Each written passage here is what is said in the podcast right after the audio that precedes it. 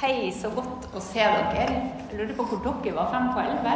Da tenkte jeg kanskje vi blir ti. Så jeg skulle egentlig ha stilt klokka hver søndag, for da får vi en sånn kjempeboost. Men eh, takk for at dere kom. Takk for at dere tar dere tid til å feire gudstjeneste med oss. Vi er jo inne i denne taleserien, sånn som Ingebjørg nevnte. Fortsettelse følger. Og vi har kommet til 'holde ut og holde fast'. Det er et sånn typisk Lise-tema. Og jeg har jobba mye med det. Jeg må innrømme at jeg kunne holdt på ei uke til, fordi at her er det så mye. Eh, Odd Jørgen leste teksten fra apostelgjerningene 20, eh, vers 17-38, for dere som ikke har fått det med på podkasten. Dagens tekst er altså en tale som Paulus holder for lederne i Efesos. De som de kalte for de eldste. Altså, De var ikke nødvendigvis de eldste, men de kalte de lederne for eldste, sånn som vi gjør i Frikirka. Og teksten er annerledes enn de som har kommet foran, der Paulus fyker rundt og snakker med folk av alle slag. Nå sitter han i ro, og så snakker han med folk som han kjenner. Han er fortrolig. Og jeg vet ikke hvilket forhold du har til Paulus, men jeg vet at vi oppfatter han litt forskjellig. For noen så er Paulus et forbilde, og dere leser alt han har skrevet. Og for andre så er det litt mer komplisert enn som så. Og uansett hvor du står, så har jeg lyst til å anbefale denne boka. 'Paul A Biography' av N.T. Bright.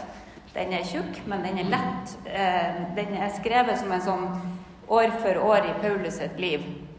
Og for deg som ikke har helt kontroll på sammenhengene og rekkefølgene på hvor han var og hva han gjorde, så er det der ei kjempegod bok anbefaler den på det varmeste. Og hvis dere kommer på inspirasjonssamlinga, så ligger den antagelig på bokbordet som Jostein og Merete tar med. Merittlista til Paulus, den er jo imponerende. Det første store skiftet hadde vi om for noen uker siden. Det var på veien til Damaskus, når Jesus møtte Paulus. Paulus møtte Jesus.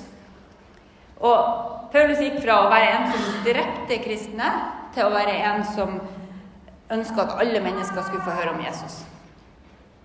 Han gikk dermed fra øverst til nederst på rangstigen i det jødiske religiøse systemet. Han satsa absolutt alt på Jesus. Så skal jeg bare få vekk et hår fra ansiktet. Ja. I mange år så reiste Paulus rundt i middelhavsområdet, eller i Syden, som vi kalte det da jeg var liten. Eh, han fortalte tusenvis av mennesker om Jesus. Han starta menigheter, og når han dro derifra, så skrev han brev til menigheten. Eh, brev som vi kan finne i Nytestamentet. Her ser dere eh, et kart som dere har bak i Bibelen deres. Misjonsreisene til Paulus de starta når han var ca. 35 år, altså i år 45. Og så varte de i 12 år. Kort fortalt så hadde han den første reisen til Kypros og Lilleasia. Det var en fire års reise.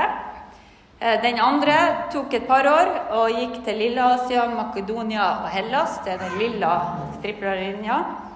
Eh, vi er år 50 til 52. Og den tredje, det er den grønne, den gikk til Efesos, Makedonia og Hellas. Og tok fire-fem år. Så dagens tekst er fra slutten av den tredje reisen. Altså vi er kommet til år 57. Og hvis du har lest apostelgjerningene sammen med oss, så har du lest de her kapitlene foran om denne øyhoppinga som Paulus driver med i Hellas. Og nå er han kommet til Miletos, som er merka med rød ring på kartet. Han har en plan om å rekke til Jerusalem til pinse. Han har vært helt nord oppe til venstre i Filippi, og nå har han 30 dager igjen. Og så dropper han Efesos for å unngå forsinkelser. Og det er to grunner til det. I Efesos har han en hel masse motstandere som kan angripe han igjen. Og så har han med seg en stor sum med penger som han skal ha med tilbake til Jerusalem. Og begge deler gjør jo at det er risikosport å stoppe i Efesos. Så Derfor så inviterer han de lederne ut til Miletos som er syv mil utafor byen. Men nå er han ikke her for å tale, sånn som han har gjort så mange ganger før. Nei, nå skal han ta farvel. Han har vært sammen med dem i tre år, mer enn noen andre menigheter fikk lov å ha Paulus. Og så skal vi se hva han sier til dem. Og Vi skal lese igjen det som Odd Jørgen leste fra kapittel 20, vers 19. Dere vet hvordan jeg har gått fram for dere hele tida, fra den første dagen jeg satte foten i Asia. Jeg har tjent Herren i all ydmykhet og med tårer i alle de prøvelsene jødene har ført over meg med sine onde planer. Dere vet at jeg ikke har holdt noe tilbake som kunne gagne dere. Men jeg har forkynt for dere og undervist dere både offentlig og i hjemmene. Dette kan jo virke som selvskryt. Men det er ikke det. fordi han snakker til folk som han kjenner og som han er glad i, og så sier han 'dere veit'. Dette er gode venner etter tre år. De har sett tårene og fortvilelsen når han har blitt forfulgt og plaga av motstanderne. De har hørt han tale og gi råd, og de har lært utrolig mye av Paulus. De kjenner han. Ja, de vet. Han har ikke holdt tilbake noe som kunne gagne dem, altså noe som skulle være nyttig for dem. I tre år har han forkynt og undervist dem om evangeliet om Jesus. Han har forklart hele Guds plan fra skapelsen og til Jesus skal komme tilbake og gjenskape alle ting. Han har vært ærlig med dem om at oppdraget Jesus ga, det koster. Paulus han blir forfulgt, fengsla, håna, og en gang blir han steina og forlatt som død. Det var litt av et liv han levde. Og så har han ikke gjort noe for egen vinning. Han har forsørga seg sjøl som teltmaker, samtidig som han har vært pastor og leder og veileder. Og nå skal han si farvel. Dette er siste gang de møtes. Tor Håvik, som eh, dere kanskje har sett som presten på Farmen på TV, eh, han holdt en tale i østsida frikirke for et par uker siden. og Der snakka han om at han liker å gå mens han ber. Han syns det er mye lettere å konsentrere seg hvis han går mens han ber. Eh, og så snør det sjelden i Bergen, men en dag så var det snø. Og så for han og gikk rundt der utafor blokka si, og så så han på bakken, og så tenkte han Han så alle sporene i snøen, og så tenkte han Tor, sett spor. Det rimte jo. Det var jo litt artig. Eh, Tor, sett spor. Og dagen etter så hadde det regna, og sporene var borte, for sånn er det i Bergen. Eh, men Tor begynte å tenke på hva er det som står igjen etter oss mennesker? Hvilke spor finnes etter oss? Og så gjorde han et eh, eksperiment fra talerstolen i østsida av Frikirke, som jeg skal gjøre med dere. Vet dere hva oldeforeldrene deres heter? Opp med hånden hvis dere vet det. Dere skal slippe å gjøre rede for det. Men hvor mange kan navnet på oldeforeldrene? Ok? Ned med handa. Hvor mange vet navnet på tippoldeforeldrene? Det er tre, fire, fem Ja, enn tipptippoldeforeldrene? Jeg vil snakke med deg etterpå. Dere har alle 32 tippoldeforeldre. Det er bare én som vet navnet på dem. Jeg tror ikke hun vet alle heller. Eh, mine tippoldeforeldre altså jeg trenger ikke å gå til tipp-tipp engang, de døde for 80 år siden, og jeg vet ingenting om dem annet enn det jeg kunne finne når jeg googla sånn eh, slektsforskning. Da fant jeg ut ganske mye. Men eh, det er et faktum at jeg kommer antageligvis til å bli glemt før det har gått 100 år. Antagelig så glemt at ingen husker navnet mitt. Og Paulus er jo et av unntakene. Han endte opp med å skrive halvparten av Det nye testamentet. Det han gjorde, og det han sa, det kan leses over hele verden 2000 år etterpå. Og kanskje du, kanskje du blir berømt og lever videre i historiebøkene. Men de fleste av oss vi kommer til å bli glemt før det har gått 100 år. Selv om jeg lever det jeg tror er et meningsfullt og viktig liv, så tror jeg at jeg kommer til å være glemt når det har gått 100 år. Og det er jo trist. Men det er en realitet som jeg tror vi bør erkjenne, at vi kommer til å bli glemt. Men hvorfor er det da så viktig hvordan vi lever? Hvorfor er det da så viktig hvordan vi lever? Og Tor Håvik med all sin 27 år, år gamle visdom, han sier eh, det største vi kan gjøre, er å sette gode spor i menneskene som vi har rundt oss. Vi kommer til å bli glemt, men virkninga av et liv kan være uforglemmelig. Det største vi kan gjøre, er å sette gode spor. Å være foreldre er jo et godt eksempel. Vi har jo enorm påvirkningskraft. Men du trenger ikke være foreldre for å ha det, for hvert menneske berører flere tusen mennesker i løpet av et liv.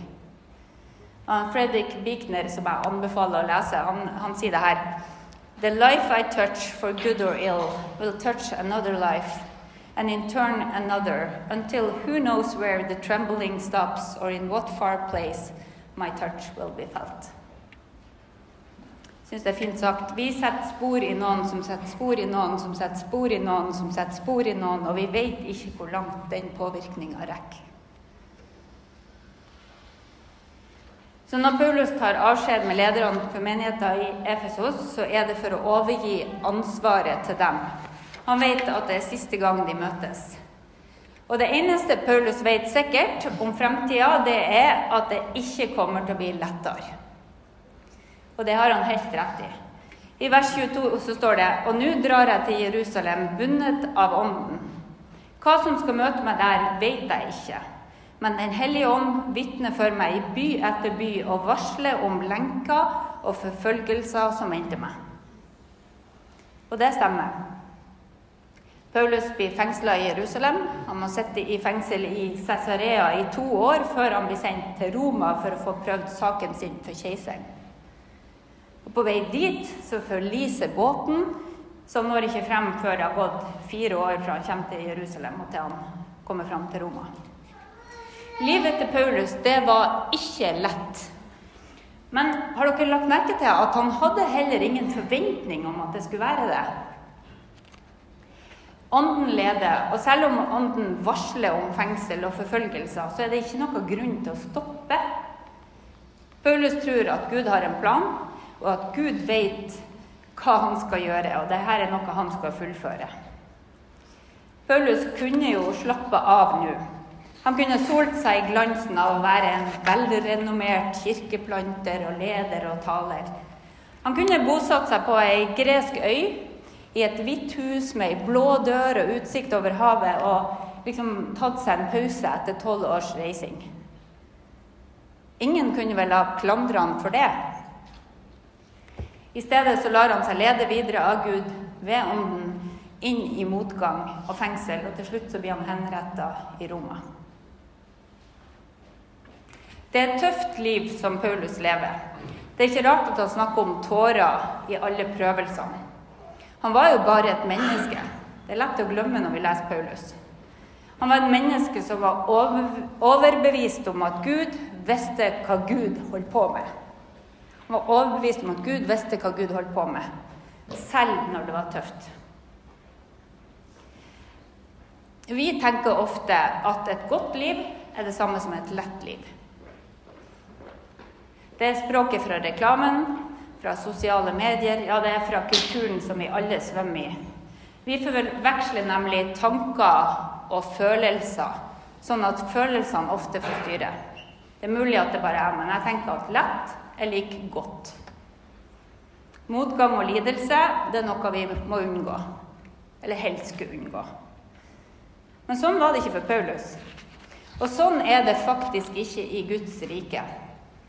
For det finnes noe som er viktigere enn egen komfort, egen lykke, nemlig oppdraget som Jesus har gitt oss. Vi skal få lov til å sette gode spor. Vi skal få lov til å gå dit Gud leder.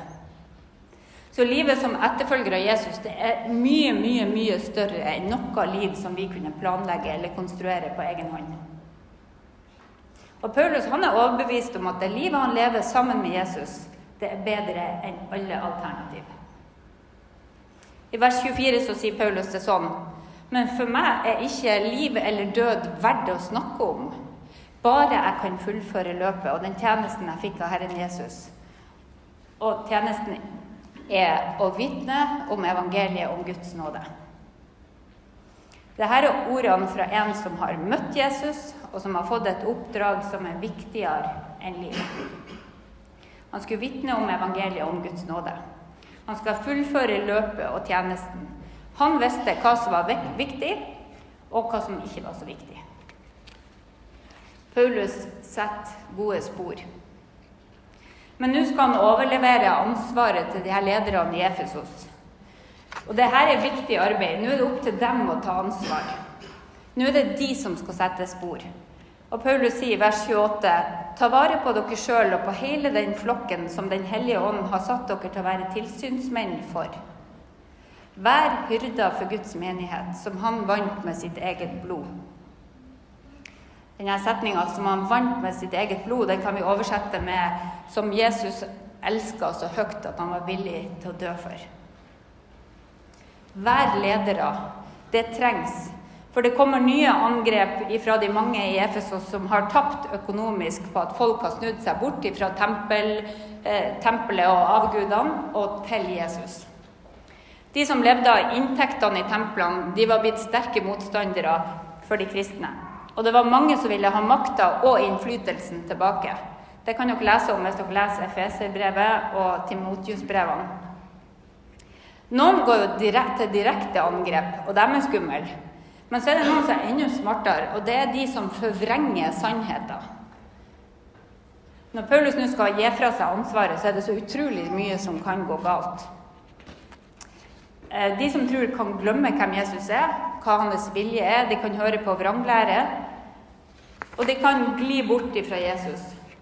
De kan komme til å høre på alle slags andre stemmer, og så kan de komme til å tenke raske tanker i stedet for lange tanker. Hvis dere hørte Ingebrigt sist, så vet dere hva det betyr. Derfor er det viktig med hyrder og ledere som kan minne oss om hva som er det viktigste. Som kan undervise og veilede, sånn at stadig flere kan undervise og veilede.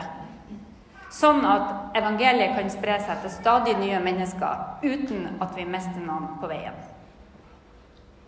Hold dere våken, sier Paulus.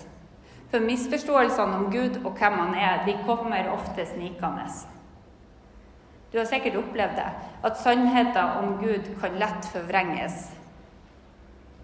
Å snakke sant om Gud og om hans vilje, det er viktig arbeid. Også hos oss.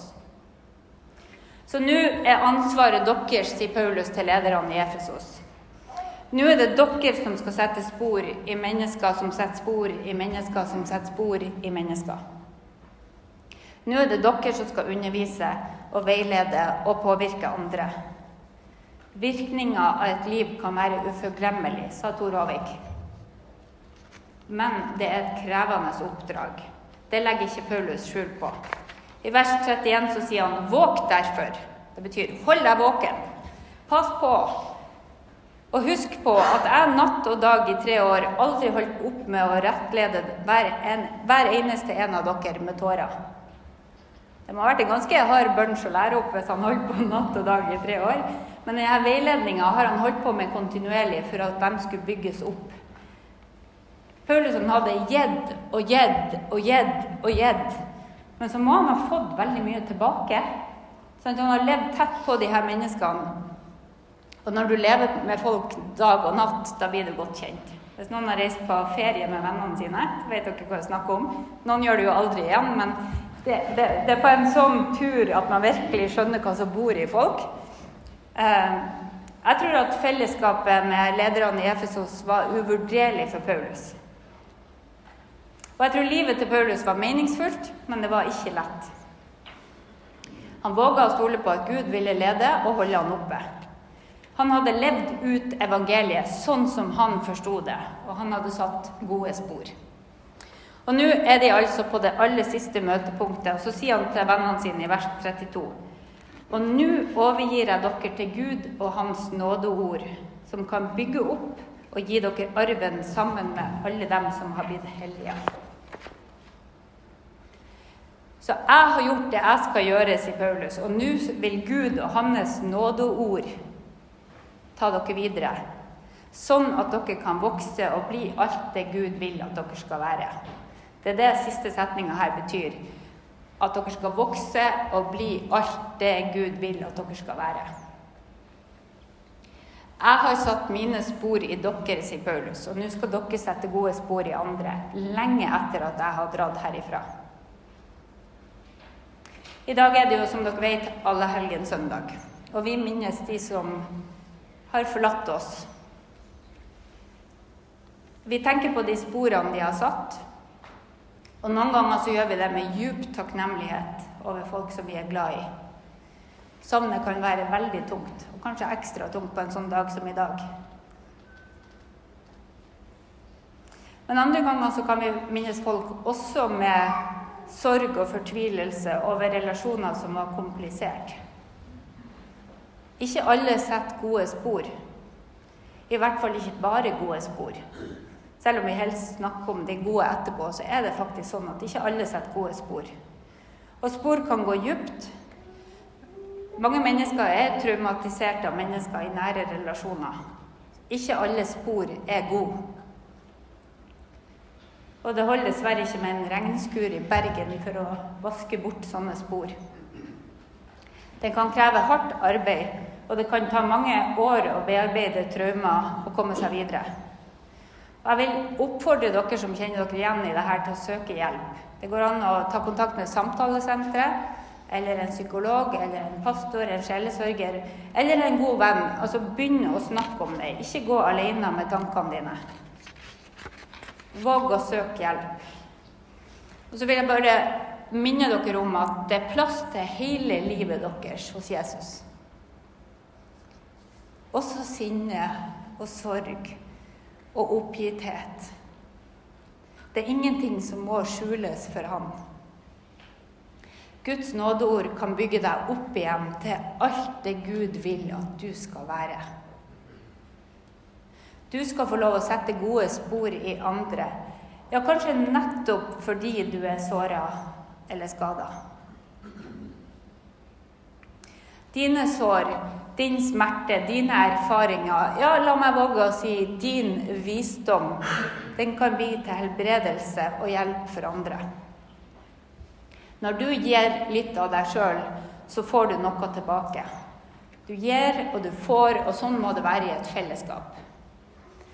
Jeg tror at det er mye skjult rikdom i erfaringene våre. Jeg tror det er mye håp i å se hva andre har overlevd. Det er mange spor av Jesus Kristus i motgangen som vi har hatt. Alle vi. Og når jeg ser at din historie også er min historie, så skjer det noe veldig fint. Guds helbredende kraft går ofte stille i dørene. Guds helbredende kraft går ofte stille i dørene. Ja, du kan sette spor uten å være klar over det. Og Jørgen møtte en mann i et møte for en stund siden som sa at han hadde vært i konfirmantgruppe hjemme hos oss i 1995. Vi hadde glemt de her gruppekveldene eh, som forsvant i tåka av sykt barn, sykehus, søvnmangel og smerte og alle de andre s-ene som du kan komme på. Men han her eh, unge mannen, han huska. Og vi lurer på hvorfor. Og jeg lurer på om det var fordi at Jesus viste seg midt i det vanskelige. For Guds nådeord skinner, skinner sterkest der det er mørkt. Guds nådeord skinner sterkest der det er mørkt. Så evangeliet om Jesus er nettopp det at Gud kommer inn i det meningsløse og vonde, og så blir han værende. Vi er ikke alene. Du er ikke alene. Det finnes ikke noe mørke der Jesus ikke har vært. Og det finnes ikke noe lidelse som Jesus ikke har opplevd. I Jesaja 57, 15 så står det i det høye og hellige bordet Det er Gud som snakker. I det høye og hellige bordet og hos dem som er knust og nedbøyd i ånden. Kanskje kunne vi oversatt 'knust og nedbøyd' med 'knust og deprimert', eller 'skikkelig langt nede'. Og så sier Gud, og jeg vil gi ånden liv hos dem som er bøyd ned, og gi hjerteliv hos dem som er knust. Så Gud puster nytt liv i oss. Det er Guds løfte til oss. Og jeg vet ingenting som forandrer et liv mer enn et møte med Jesus Kristus, verdens frelser. Det er Han som kan hjelpe oss til å holde ut og til å holde fast. Gud har ikke lova oss et langt eller et lett liv, men han har lovt å være til stede. Og han kan bruke deg og meg til å sette gode spor i andre sine liv. Tenk litt på det denne uka, og snakk gjerne om det i gruppene. Gå gjerne til forbønn hvis jeg har rørt opp ting som du tenker at det hadde vært godt at noen ba en velsignelse over meg. La oss be sammen. Gud, gi oss nåde til å sette gode spor i andre mennesker. Og hjelp oss sånn at vi ikke setter vonde spor, Jesus. Takk at vi kan komme til deg med hele livet, og at vi, Alt vi får til, og alt vi ikke får til. Du kjenner oss, og du elsker oss. Hjelp oss til å fullføre løpet av den tjenesten vi fikk av deg. Hjelp oss til å vitne om evangeliet, om Guds nåde. Det ber vi om i ditt navn, Jesus. Amen.